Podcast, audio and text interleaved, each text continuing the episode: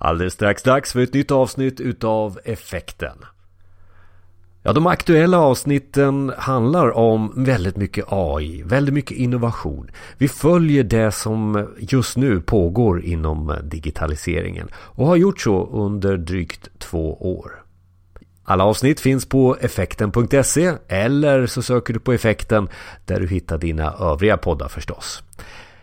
Jag är med idag, jag heter Jonas och du får gärna höra av dig till mig. Eh, jag finns på sociala medier, till exempel LinkedIn och eh, Twitter. Och då heter jag då Jani efternamn, så Jonas Jani kan vara en bra sökning.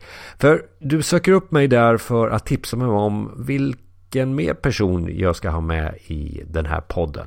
Så ta kontakt så ska vi göra våren här till en intressant Eh, belysning utav de aktuella ämnena inom digitaliseringen.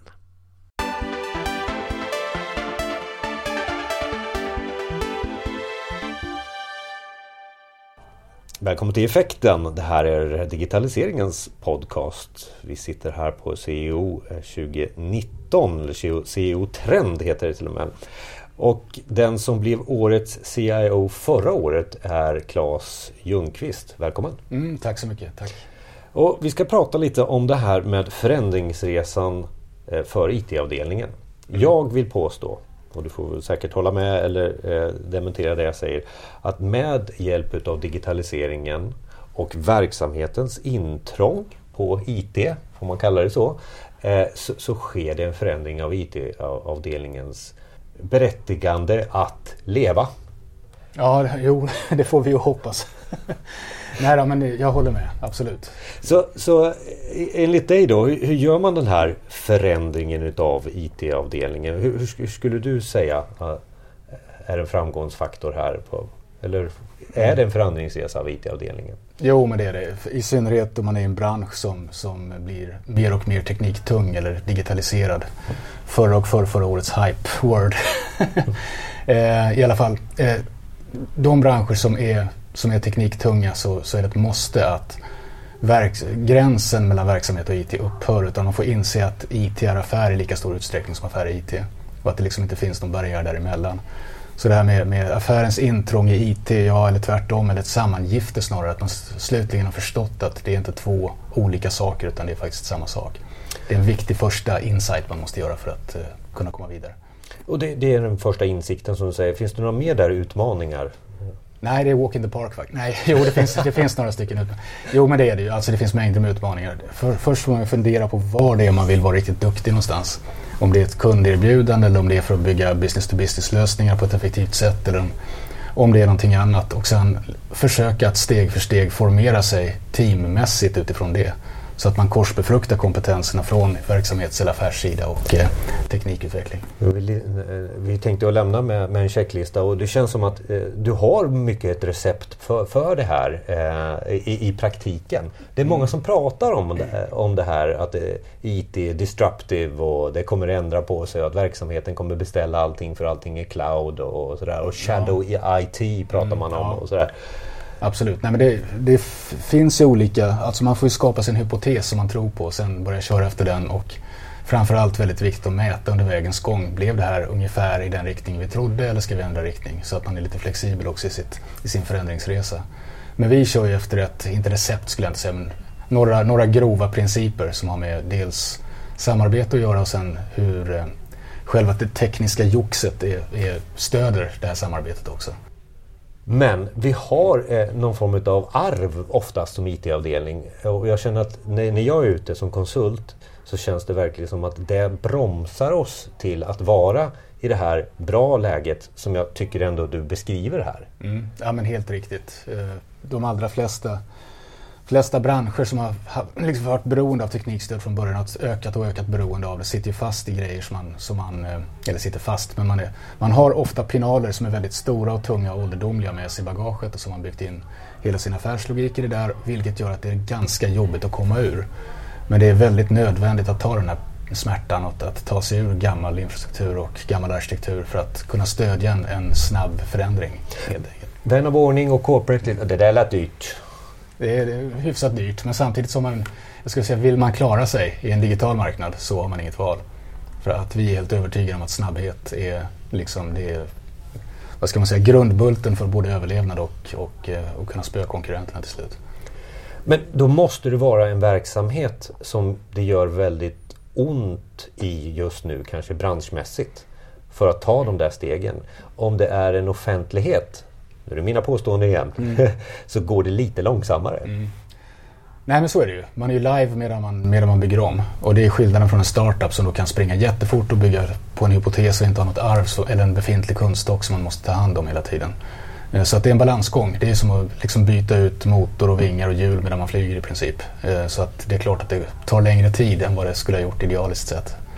Eh, samtidigt så har inte vi hittat något, jag tror inte det finns någon sån här silver bullet för det heller utan man får helt enkelt ta ett bett på att vi kan dra ner takten lite grann i kundmötesutveckling eller i annan typ av utveckling under en period för att vända ut och in på inkromet och sen komma ut mycket, mycket, mycket snabbare efteråt och effektivare. Du har räknat upp några bra sådana här bullets på saker och ting men exemplifiera lite vad, vad du har gjort eller vad du har sett i, i branschen som är just de här bra, goda exemplen på en förändringsresa för en IT-avdelning. Mm. Eh, vi försöker vi har gjort så här att vi försöker titta på, för det första bestämma oss för var, var vill vi vara snabba någonstans. Det är jättesvårt att vara snabb över hela spelplanen. Och då har vi, liksom de flesta andra antagligen, bestämt oss för att det är kundmöte och integration runt kundmöte och stöd till vår kundservice som är det liksom, där kommer det förändra sig jätteofta och där ska vi vara supersnabba. Sen standardlösningar för traditionell bankverksamhet, alltså ränteräkningar, kontohållning, låneförvaltning och sådana saker det är sånt som inte behöver röra på sig så ofta. Där är det andra som är mycket bättre än vi på att göra det. Så att då köper vi in de grejerna, låter någon annan ta hand om det åt oss och sen koncentrerar vi vår kraft mot där vi behöver utvecklas fort. Och sättet vi gör det på är att försöka skiva in då eh, de väsentliga processerna eller kundresorna på ett sätt som gör att vi kan formera teams runt de här kundresorna. Och se till att de teamen har full kompetens och fatta beslut själva om vad är nästa grej vi ska göra och göra det cykliskt och fort och så litet som möjligt i taget kan man säga. Och med det kommer också ett behov då att, att det här som du adresserade innan med gamla system och, och tekniskt arv och så vidare, att smula sönder gamla monolitiska och jobbiga grejer i små funktioner istället så man kan sprida ut de här på de här eh, kundprocessteamen då. Så att varje team äger sina grejer, det som stödjer just deras kundresa.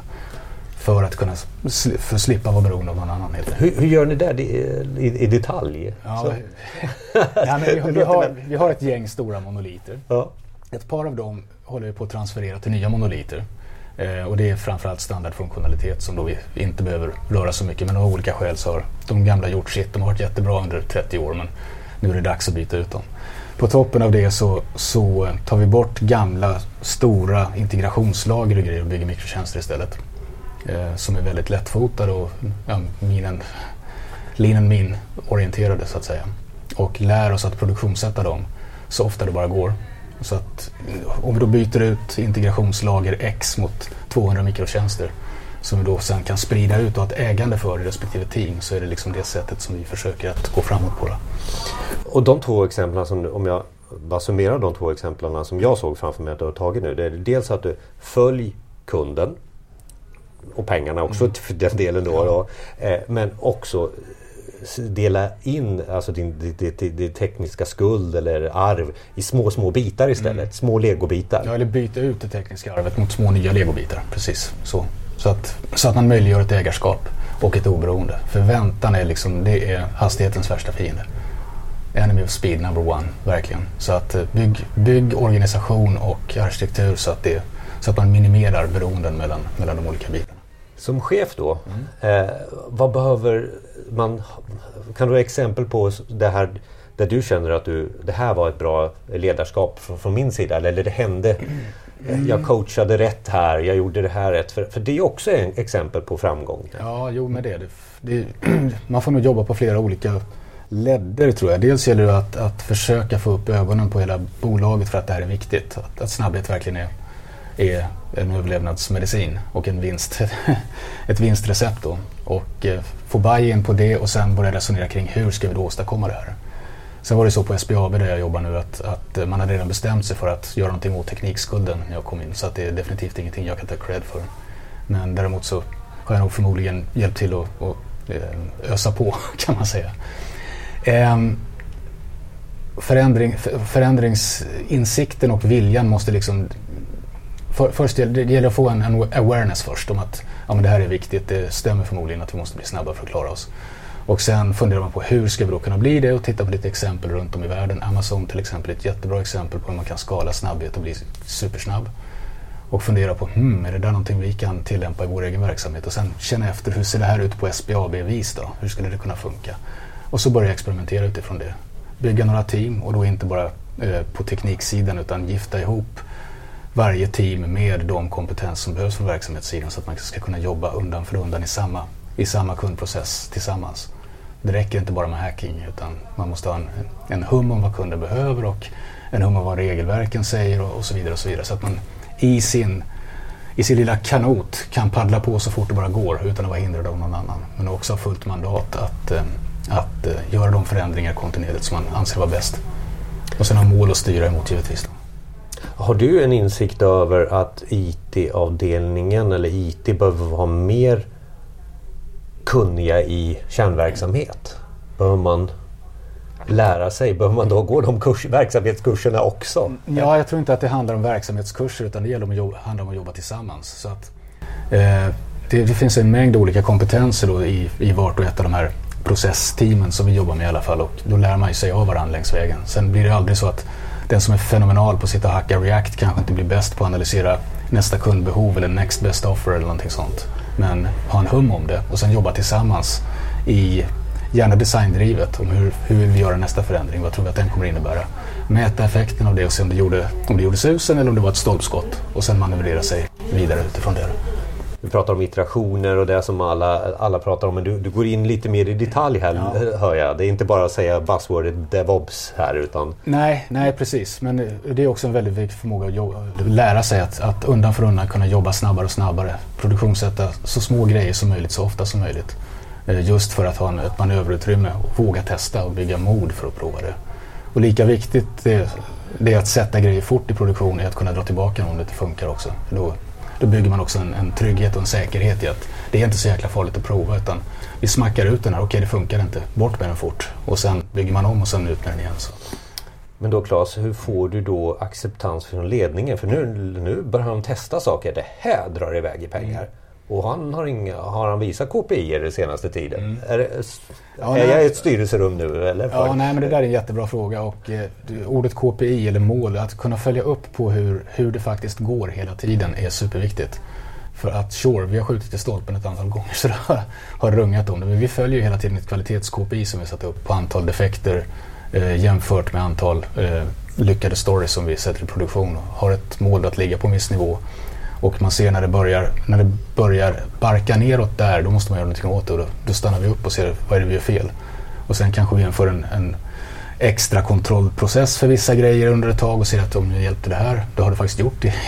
det har inträffat i höstas där. Så att, såg vi att de åtgärder vi, vi satte in faktiskt hade effekt och det drog inte ner speeden något nämnvärt heller. Så att hela tiden ha kundens eh, bästa och kundservice bästa för ögonen när vi jobbar och inte ta dumma risker. Men tar man risker ska de vara snabba att eh, åtgärda. Här på CEO Trend så har man pratat väldigt mycket om innovation. Man har pratat om AI. Och jag kastar dem på dig.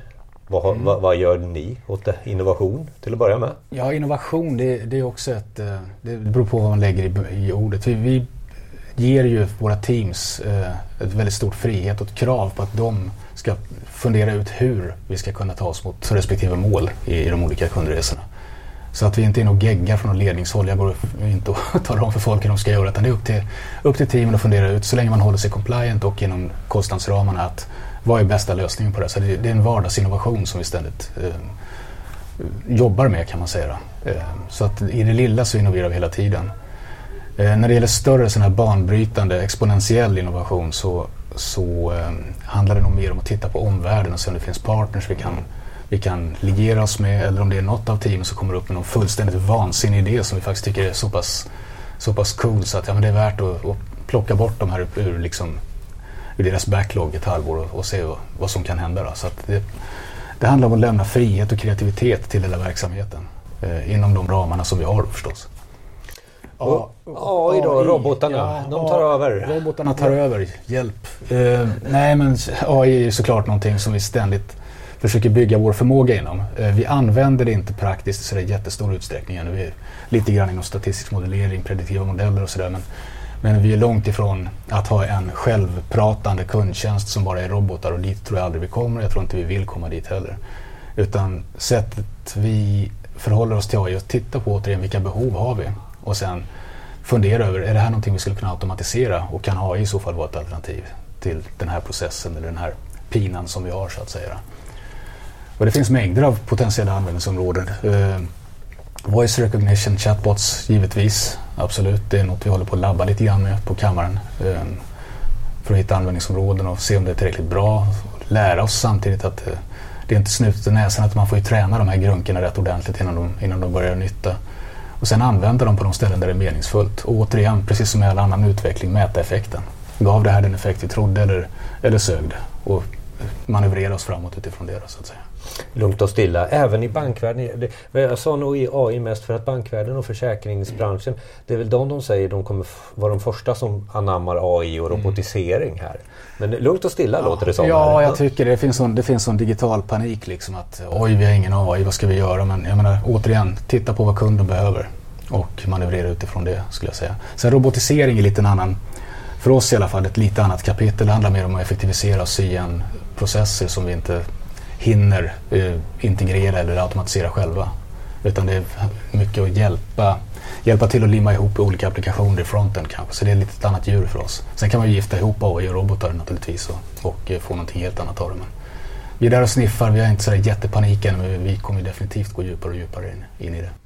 Förändringsresan för IT-avdelningen så här på slutet Claes. Eh, vad skulle du säga kunna vara något sådant steg till, mm. till lyckad förändringsresa? Till en lyckad förändringsresa. Först awareness och desire. Att, att hela bolaget inser att vi kommer inte kunna springa på i den takt vi vill och behöver om vi inte gör någonting. Det är det, det första. Och sen fundera ut hur man gör det och då är det en jättebra idé att titta på, bestämma sig för var man vill vara snabb någonstans.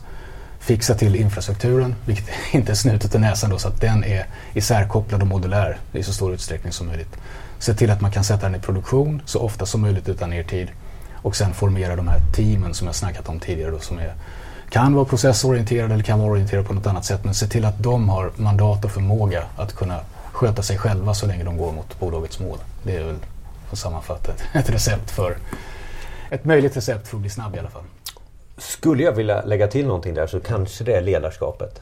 Ja, jo det är viktigt. Absolut. Det går inte med något eh, vad heter det, micromanagement om man, ska, om man ska få speed i en organisation utan använda alla de förmågor som finns till att göra det de faktiskt är bäst på. Och jag är ju långt ifrån bäst, jag är förmodligen sämst i hela världen på att tala om hur man ska, hur man ska utveckla en applikation.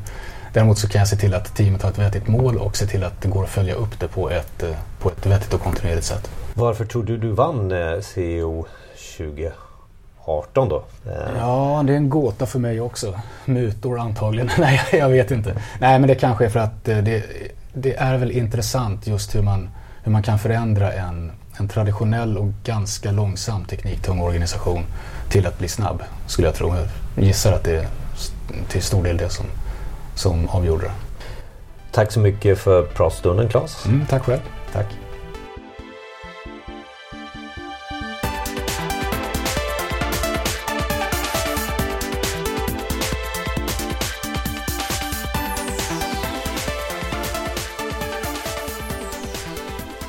Och mer avsnitt finns på effekten.se. Där hittar du också kontaktuppgifter till mig och eh, Klas. Och så hittar du förstås alla andra avsnitt som just nu är aktuella. Vi har pratat machine learning, AI, innovation. Vi har också pratat om skolan och dess digitalisering och den digitala arbetsplatsen. Så häng där på effekten.se eller sök upp podden som finns där du hittar dina övriga poddar, till exempel Spotify. Det är bara att söka på effekten.